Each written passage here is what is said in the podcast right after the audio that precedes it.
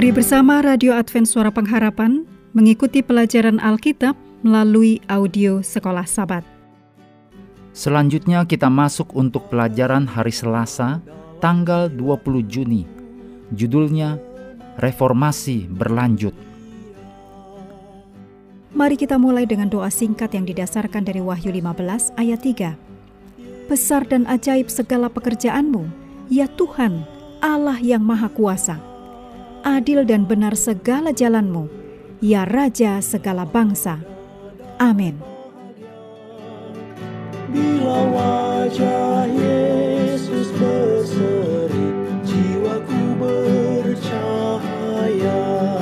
Allah telah membangkitkan umat akhir zaman yang berdiri di atas bahu para reformator besar di masa lalu dengan kitab suci sebagai satu-satunya pernyataan iman mereka. Dan hanya Kristus sebagai satu-satunya sumber keselamatan mereka. Roh Kudus sebagai satu-satunya sumber kekuatan mereka. Dan kedatangan Tuhan kita sebagai penyempurnaan dari semua pengharapan mereka. Kebenaran yang telah lama dikaburkan oleh kegelapan kesalahan dan tradisi, termasuk sahabat kitab suci yang benar, akan dikumandangkan kepada dunia sebelum kedatangan Tuhan kita. Pekabaran tiga malaikat melahirkan pergerakan akhir zaman ini untuk melengkapi reformasi dan untuk ambil bagian bersama Kristus dalam menyelesaikan pekerjaannya di bumi. Nubuatan-nubuatan besar dari buku terakhir kitab suci mengungkapkan pergerakan penentuan ilahi yang muncul dari kekecewaan untuk mengumandangkan pekabaran terakhir Tuhan kepada dunia. Wahyu pasal 14 menggambarkan sebuah gereja di seluruh dunia yang memenuhi bumi dengan kabar baik tentang Injil yang kekal. Ketiga malaikat dalam Wahyu pasal 14 bergabung dengan malaikat keempat dalam Wahyu pasal 18. Malaikat ini memberikan kuasa kepada pekabaran ketiga malaikat agar bumi disinari dengan kemuliaan Tuhan. Demikian ditulis dalam Wahyu 18 ayat 1. Wahyu pasal 18 berfokus pada peristiwa-peristiwa besar yang mengarah pada klimaks sejarah manusia dan kemenangan akhir Injil.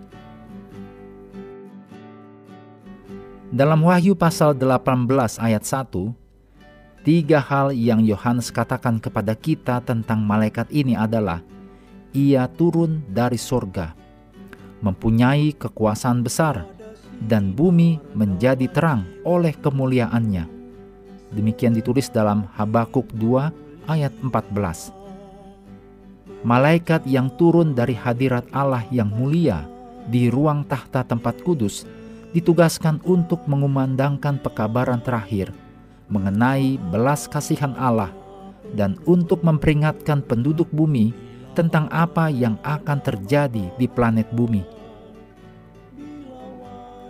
Ayat tersebut mengatakan bahwa malaikat datang dengan kekuatan besar. Kata Yunani Perjanjian Baru untuk kekuasaan adalah exousia. Yesus menggunakan kata ini dalam Injil Matius selaras dengan pengutusan murid-muridnya. Dalam Matius 10 ayat 1, Yesus memberikan murid-muridnya kuasa atas penguasa-penguasa dan kekuatan kejahatan.